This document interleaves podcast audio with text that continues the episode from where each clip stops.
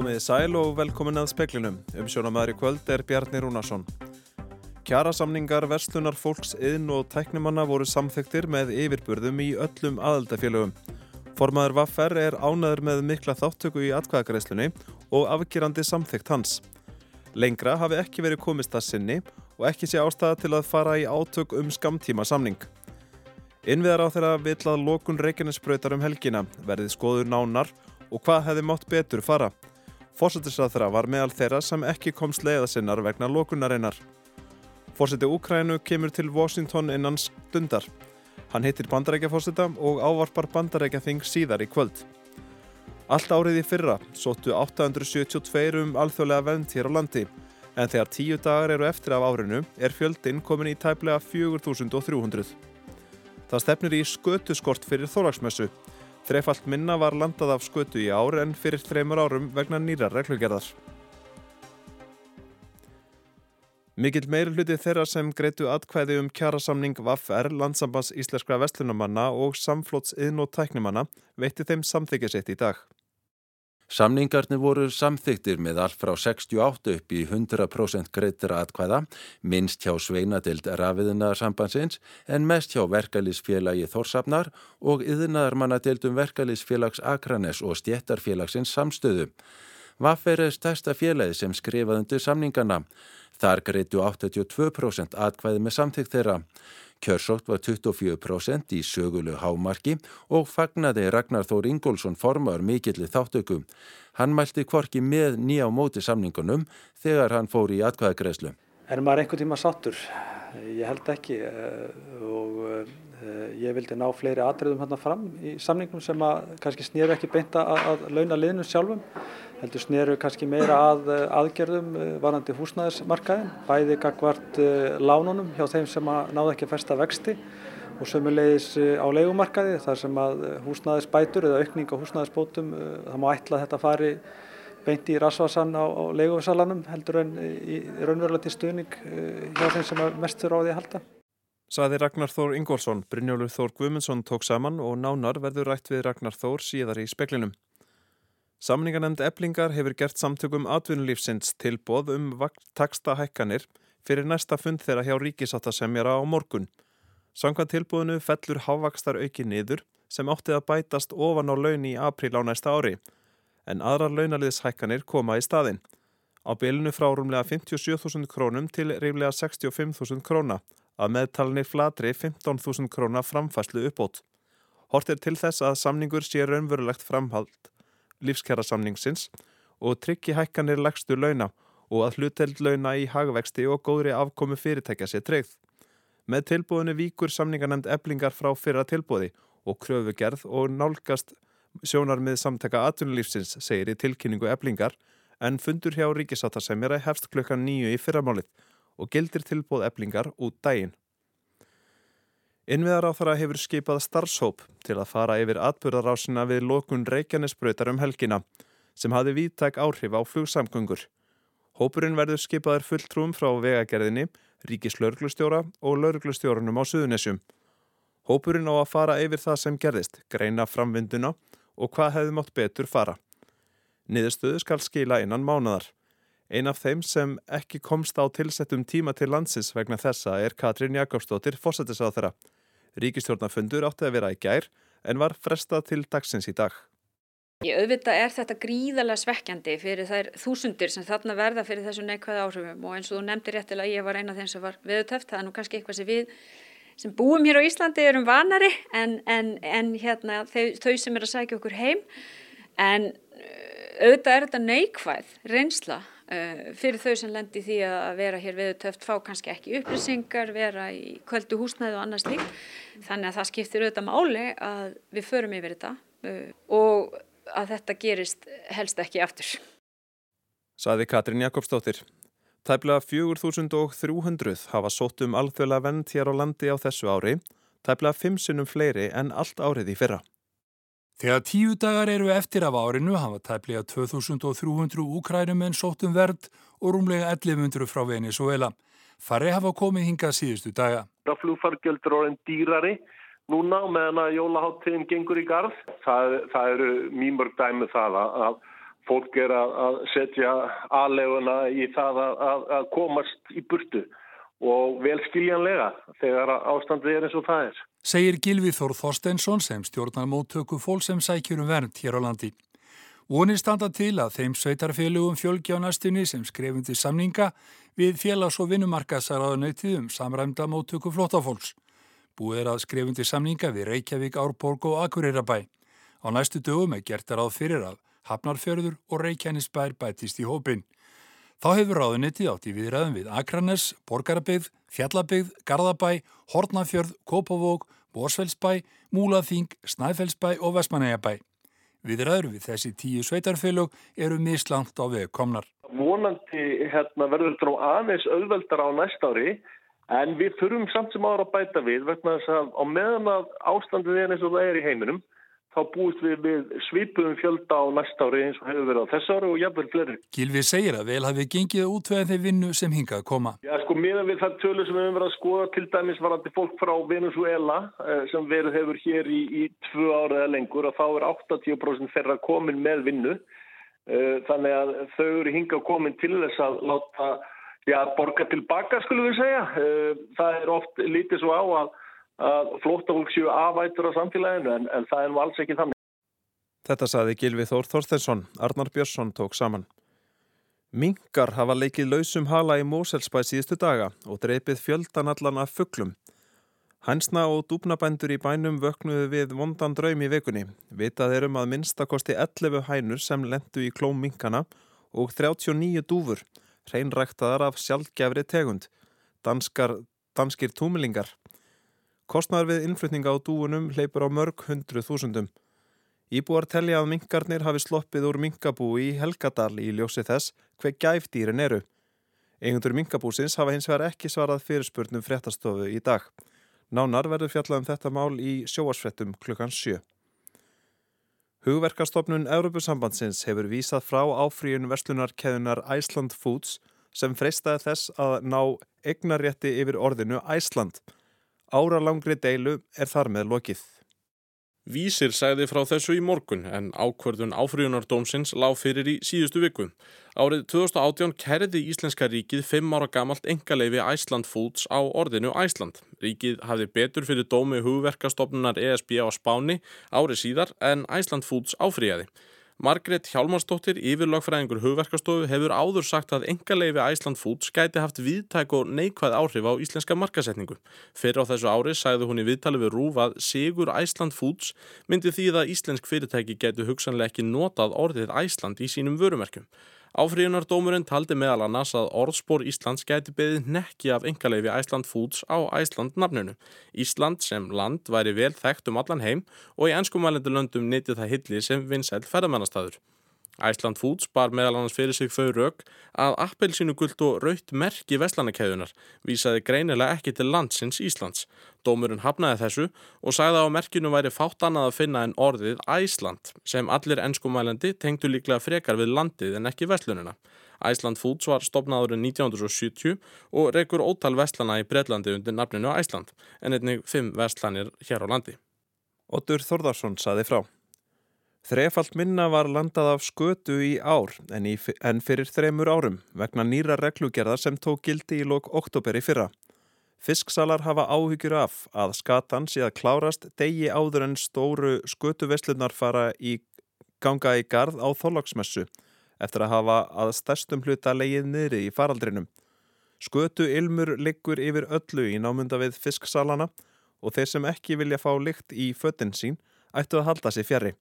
Kristján Berg Áskeisson er fiskikongurinn. Hvað heldur hann að skatan dýi lengi? Ég ætla að vona að hún dýi í dag. Já, hún dýir í dag og ég myndi segja svona háttegja morgun 2-3 þá er hún búinn. Og hvað gerir fólk sem fær ekki skötu? Það verður bara byggja þetta næsta ári því að við erum ekki að vera að verka skötu okkur um einu tveimum dögum. Það er bara ekki hægt. En hvað annað getur fólk haft í matin á þorlarsmessu? Ég held að verði nóg skata fyrir alla sem vilja. Það er, hérna, er allt í aragrú af skötuvislum allan bæ allir lægjónsklubbar, íþróttafélagin voru mjög sterk og ég hef aldrei upplegað eins mikið að skutuvislum þannig ég held að fá allir nógu skutu. Saði Kristján Berg Áskesson, Jóhanna Vigdís Hjalladóttir talaði við hann. Samningar þeir sem samflót VAF-R landsambands vestlunarmanna og félaga yðn og teknifólks voru samþyktir í rafrætni atkvæðagreyslu sem lög í hátteginu. Þar var samið um 6,75% kauphækkun og samningurinn gildir út í janúar 2024. Hlutfall þeirra sem samþyktir Hlutfall þeirra sem samþyktu var misjánt eftir félögum, allt frá 68% hjá sveinum innan rafinnaðarsambandsins upp í 100%, til dæmis hjá yðnaðmannadeild stéttafélagsins samstöða á blöndósi. Og svo var víðar. Kjörsóknin var líka nokkuð misjöfn, frá um 13% upp í 85%.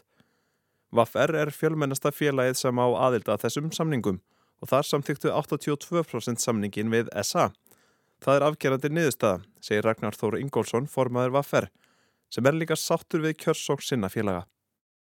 Þáttaka var alveg frábær og svona það er stígandi í þessi hjá okkur, það er með þáttaka um það byrj 25%, þannig að það er um 10.000 félagsmenn uh, Vaffer uh, tóku þátt í aðgæðagrislinu og kursu, þannig að það er uh, jákvæðs róun og því það stundum við talað um það að það sé ekki nægilega þáttaka í kannski í kostningum innan stjættafélagana.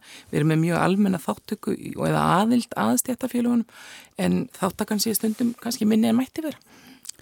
Já, þetta mætti hún alltaf vera betri og, og e, það er stígandi í þáttöku og það er það sem kannski hefur gerst e, samlega þessum breytingum sem hafa orðið í fórustu reyfingarna síðustu ár og það er jákvægt en það má alltaf gera betur og við erum alltaf að reyna að finna nýjur og betri leiði til þess að ná til félagsfólks og ég held að niðurstað núna í kostningum samningin endur spekli það að okkur er að ganga betur að ná til fólksins og það er að láta þessi mál sem meira varðar.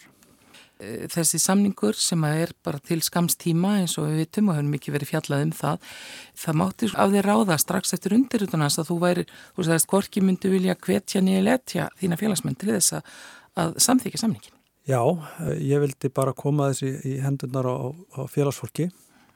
Það veri þeirra að taka ákvörunum og lengra væri ekki komist varandi skandímasamningin og ég held að að niðurstaðan endur spekli það að, við, að fólk tristi því að við okkar mati að lengra væri ekki komist að þessu sinni með að við þann samning sem lág fyrir, þar sé að skamtíma samningur og ég held að okkar félagsfólk hafi líka átt að sjálfa á því hvaða þýðir að fella samning. Það voru alveg skýr skilabóð að ég tel frá minni hálfu og samninganemdarinnar að ef að samningun hefði verið feldur og þá hefði þurft að fara í annan, annan fasa og það hefði þýtt átök.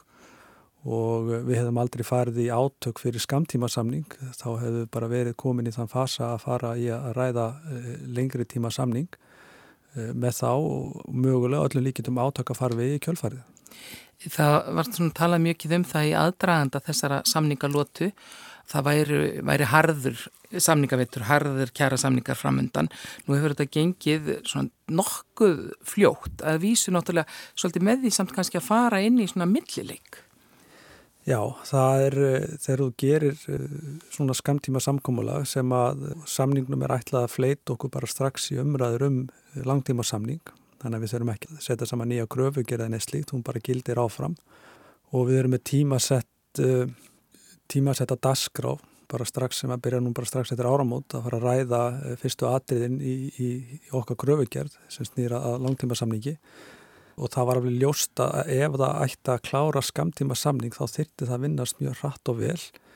Og þá fyrir jól ef að skamtíma samningur var til umræðu á annar borð. Þannig að við gerðum allir að þessu náðu niðurstu auðvitað er maður aldrei sáttur fullkomlega sáttur uh, við niðurstöðuna og ég held að það sé bara eðlið þess að vera í þessari baróttu að, að auðvöldasvarið er kannski bara þannig að dagurinn sem ég verð fullkomlega sáttu við mín störf og, og því sem ég næði fram er kannski dagurinn sem ég ætta að, að hætta þessu.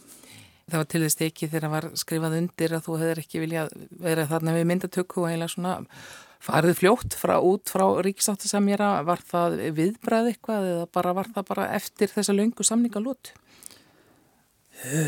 Já, eh, bæði eins og sé, það voru þarna atriði sem að eh, ég hefði viljað ná fram sem að kannski snýra ekki bara launaliðnum eða, eða niðurstöðinu sem að kannski fólk er að kjósa um beint heldur kannski þann vanda sem við stöndum frammi fyrir eh, og náum ekki utanum og þá er ég að vísa til fólks á legumarkaði og síðan þeirra sem að náðu ekki að festa vexti á húsnæðislánunum. Þar hafa skuldir eða skuldbindingarnar og afborgunar á lánum stökkbreyst og uh, á sama tíma eru bankarnir að skilja, skilja met afkomu, gera það í fyrra og áriði ár lítur út fyrir að verða mikið, mikið betra. Bara reynar vakstatekju bankana munu líklegast aukast um 25 miljard á milli ára. Þarna vildi ég fá einhverjar aðgerðir, hann að hvort að skatleikja bankana eða einhverjar eh, sterkari aðgerði til þess að koma til móts við stöðu fólks sem er með eh, húsnæðislán á breytilöfum vöxtum overtrið og sömulegst líka að fá bara hérna einhver neyðalög sem að snúa að því að verja fólk á legumarkaði. Það var alveg vita mál strax í upp að við næðum ekki utanum þennan þátt eh, í gegnum launaliðin, þannig að hefðu laun þurft að hækka hér um 100.000 100 eða meira þegar leiga hækkar um 50.000 eða afborgunar láni um 60-70.000 á mánuði við þurfum svona upp undir tvöfalt það í launahækkum bara til að standundin þeim aukna framfæslu kostnaði. Þannig að ég vildi fá markvæsar aðgerið þar og þar voru kannski fyrst og fremst vonbreiði með það að, að reyfingin í helsinni gæti ekki komið svona sterkari saman, fór svolítið tvistruði í þetta og svona það kannski líka að við vorum búin að setja yfir þessu sólaringum saman að, hérna, að það getur stundu verið gott að draga bara inn andan á um að tjá þessu minnialdi. En eh, snýstu þá að einhverju eða stóruleiti um þá eiginlega aðkomu ríkisins eða þessu ofinbera inn í þessa samninga sem er náttúrulega orðin svona þessi þriði þáttur sem hefur farið að skipta að meira máli?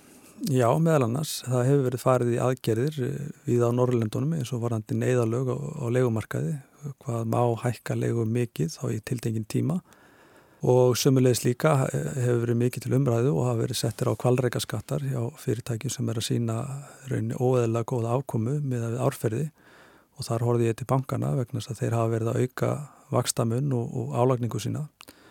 Þarna vildi ég fá, hefði ég vilja sjá reyfinguna mun svona sterkari saman hvað var það aðgerir þarna. Þetta eru stóru kostnaðaliðir heimilisins ofan í allt annað eins og verðlasækkanir og, og við hefum kannski geta mynda meiri þrýsting til dæmis á sveitafjölu og, og stjórnvöld að draga úr kostnæðarhækkunum, bóðum og fjölmart annað. Svo var hann aðriði líka sem að snýri að, eh, hvað ég segja, meira verðlags aðhaldi að eh, gagvart fyrirtækjunum sem ég vildi fá inn í samningin og barðist mikið fyrir og eh, snýri að því að, að ef að vísitalan myndi hækka sem nefnur almennri hækkunin sem var 6,75% ef að vísitalan færi upp fyrir það að þá eru samlingarlausir og mynda þannig raunni þristing og raunverulega kvata fyrir fyrirtækin til þess að e, stilla hækkunum í hóf og, og það hefði einhverju raunverulega afleðingar ef að atvinnulífi myndi ekki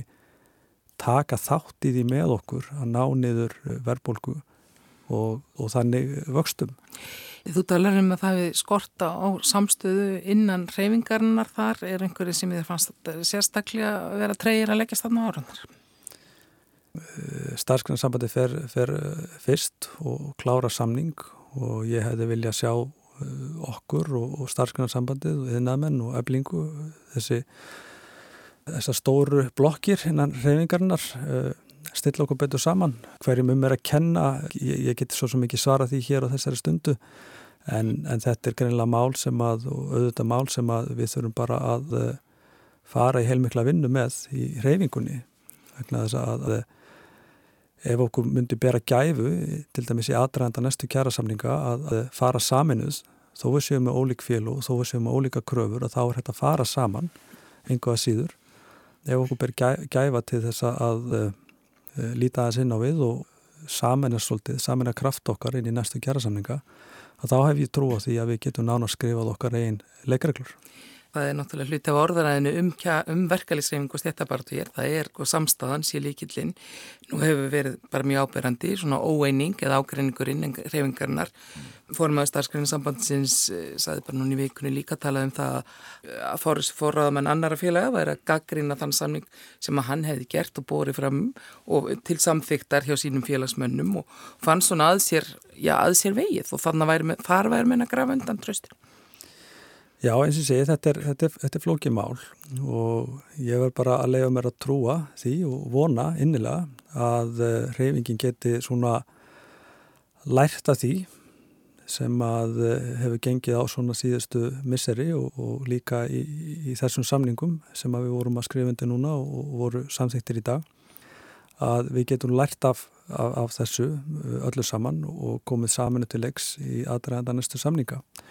Þetta verður það erfitt með allt sem undan er gengið en ég tel mér nú vera í, mjög góðu talsambandi við alla sem eru innan reyfingarnar og ég held að það gangi öllum gott til og það er engin að, að hvað maður að segja ég þekki engan innan reyfingarna sem að vil launa fólki eða, eða lífskjörum al, al, almenningi eitthvað ílt þert á móti. Ég held að við séum sammálinn það að hér þurfum við að verða ákveðna kerfisbreytingar. og þá er ég náttúrulega ekki bara að tala um launaliðin heldur bara þessi fjölmörgu atrið sem ég var að minnast á áðun í því fel að skriðali tækifæri og ég held að þegar að ríki fyrir aðeins að setjast yfir, yfir átökin sem að hafa verið bæð á þinginu og svo líka í kringu þessa kjærasamninga að ég hef trúið því að, að okkur takist að að slíðra sverðin og koma saman til leiks. Nú að ebling einn þessara stóru félaga ósamið formaðan talaði um að hafa verið skilin eftir og út undan og vildi fara líka aðra legin því töluðum prósent, fóruð með prósentahækkanir hún vil krónutöluhækkanir heldur að það munni er líkur á það náist að semjast á, þar á allt öðrum nótum? Já, það eru í sjálfsvegar enga fórsendu til þess að ætla annað vegna þess að það kostar ákveði fyrir atvinnulífið að semja um krónutöluhækkanir. Og það er þetta heimfara þann kostnað yfir á, á ólíkar kröfur annara félag sem eru með uh, kröfur sem eru ólíkar. Þegar við fórum inn í lífskjærasamningin uh, 2019 og þá var alveg skýr vilji okkar félagsfólks að fara í krónutöluhækkanir. Þá vorum 4.000 félagsmenn sem tóku þátt í að móta þá kröfugjörn með ítalegum könnunum og um svona vilja og sín fólks á, á hvaða leið þetta fara. Síðan núna fyrir þessa kjærasamlinga að þá snerist þetta svolítið við og um, krafan var að fara prósundu og krónuntölu leið, eða svona blandaða leið með prósunduhekkunum og það vorum 6.000 félagsmenn sem tóku þátt í að móta þá kröfugjörn þannig að við erum með gríðala stert umbóð til þess að fara fram með gagvart okkar viðsemyndum. Þannig að þetta geta verið ólíka kröfur en það er hægt að saman þetta, það er engin ómöguleik í því að geta, geta ekki unnið saman eða farið saman. Og þú átt vonaði þetta muni að náist sáttir? Já, við verðum bara að vona og það þýðir ekki að gefast upp. Ég er bara að leiði mér að vona að þegar að myndast smá fjarlæð við þessa vinnu sem við erum að koma, koma frá við gerðum þessa skamtíma samnings nú er bara stuttur tími til stefnu. Þetta er fljótt að líða þessir 14 mánuðir. Þannig að við þurfum bara að eh, fara að vinni þessu bara strax á nýju ári að sjá hvort við náum ekki að, að þetta raðirnar. Og ég hef bara trú á því að þegar við förum og lítum aðeins inn á við og, og sjáum tækifærin sem við höfum fyrir framann okkur að þá held ég að fólk sjáu þetta og hérna okkur takist þetta ég leiði mig bara að vera bjarsýtn og, vongóður um það Saði Ragnar Þór Ingólfsson. Anna Kristín Jónsdóttir talaði við hann.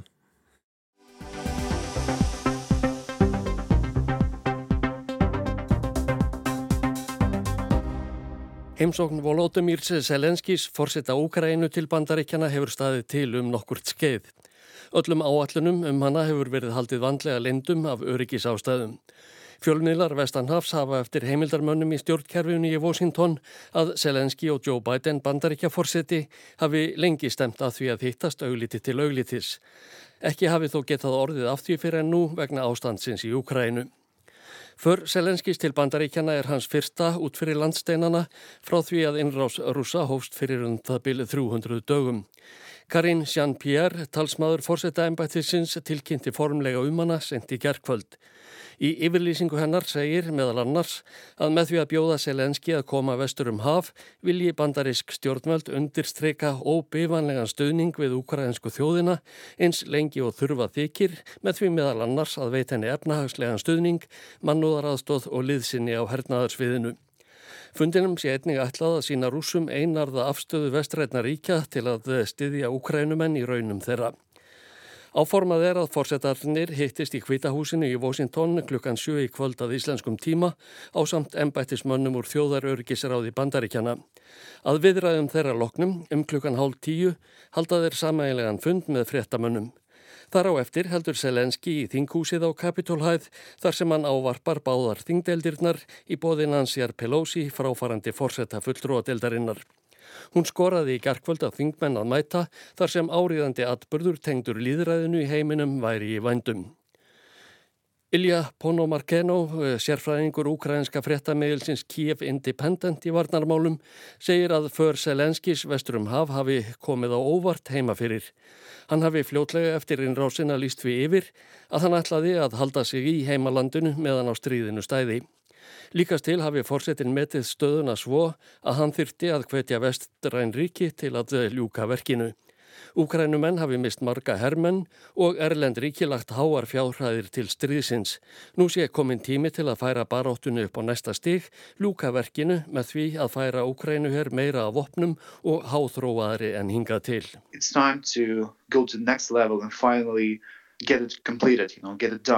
More weapons, more technologies. Frettaskýrendur hafa eftir heimildarmönnum í Washington að ætlun Bidens bandaríkja fórsetta sé einmitt að tilkynna Selenski um myndarlegt viðbótar fjárramlag til stríðsrækstarinnins gegn rúsum 1850 miljónir dollara, jáverið 265 miljardar króna.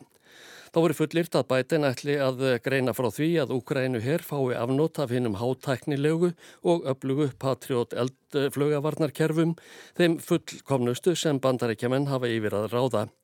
Þeim er ætlað að eh, skjóta niður eldflögar og árásordróna sem rússar beita til þess að eh, leggja viðkvæma innviði í Ukrænu í rúst, svo sem er ávorku kerfi og vassveitur. Frettaskýrandi BBC segir að heimsókn Selenskís kunni að tengjast því að stuðningur á bandarækjaþingi við fjárframlög til stríðsins í Ukrænu fyrir dvínandi. Engum er það republikanar sem eru farnir að evast um að verja háum fjárhæðum til stríðs í fjarlægu landi. Næri værið að nota fjöð til verkefna innanlands svo sem að ebla landamæra gæslu. Þá bendir hann á að þegar nýtt þing kemur saman í janúar verða 86 nýjir þingmenn í fulltróðadeildinni, 48 republikanar og 38 demokrater sem aldrei hafa þurft að greiða atkvæði um fjárstuðning við Ukrænustríðið. Joe Biden hafi ef til vil metið það svo að með því að bjóða Selenski til bandaríkjana á þessum tímapunkti gefist gott tækifæri til að kynna forsetan og málstað Úkrænu fyrir þessum nýju þingmönnum. Rúsum hugnast ekki för að Úkrænu fórseta til bandaríkjana. Dimitri Peskov, talsmaður rúsnæsku stjórnarinnar, sagði á daglegum símafundi með frettamönnum í morgun að hann sæi ekki annað fyrir sér en að bardagar ættu eftir að harna. Продолжаются поставки вооружений, расширяется номенклатура поставляемых вооружений. Все это, безусловно, ведет к усугублению конфликта и, собственно, не сулит ничего хорошего Украине. Vopnasendingum verður framhaldið sem leiðir óhjákvæmlega til þess að bardagar harna. Það lofar ekki góðu fyrir Úkrænu, sagði Peskov. Að hans mati dregur það enn frekar úr líkonum á fríðarviðræðum að Selenski skuli vera komin til bandaríkjana. Það var Ásker Tómasson sem saði frá. Það var helst í speklunum í kvöld að kjærasamningar verslunar fólks, yðn og tæknimanna voru samþektir með yfirbörðum í öllum aðaldafélögum. Formaður Vaffer er ánaður með mikla þáttöku í atkvæðagreðslunni og afgerandi samþygt hans. Lengra hafi ekki verið komist að sinni og ekki sé ástæða til að fara í átök um skamtíma samning. Innviðar á þeirra vill að lókun Reykjanesbröytar um helgina verði skoðu nánar og hvað hefði mátt betur fara. Forsöldisrað þeirra var meðal þeirra sem ekki komst leiða sinnar vegna lókunarinnar. Forsöldi Úkrænu kemur til Washington innan stundar. Hann hittir bandarækja fórseta og ávarpar bandar, bandarækja þing síðar í kvöld. Allt árið í fyrra sóttu 872 um alþjóðlega vend hér á landi en þegar tíu dagar eru eftir af árinu er fjöldin komin í tæplega 4300. Það stefnir í skötuskort fyrir þólagsmessu. Trefalt minna var landað af skötu í ár en fyrir þremur árum vegna nýrar reglugerðar. Lítum stutlega til veðus. Norðaustan 10 til 18 metrar á sekundu, kvassast á Suðausturlandi. Jæljagangur norðan og austan til, annars yfirleitt úrkomulaust en víða skafræningur. Frost 0 til 7 stig. Dregur smám saman úr vindi í kvöld og nótt og kólnar. Það er ekki fleira í speklinum í kvöld. Tæknimaður var Magnús Þorstein Magnússon. Frétta átsendingu stjórnaði Ingi Börg Sara Guimundsdóttir. Njóti kvöldsins og verðið sæl.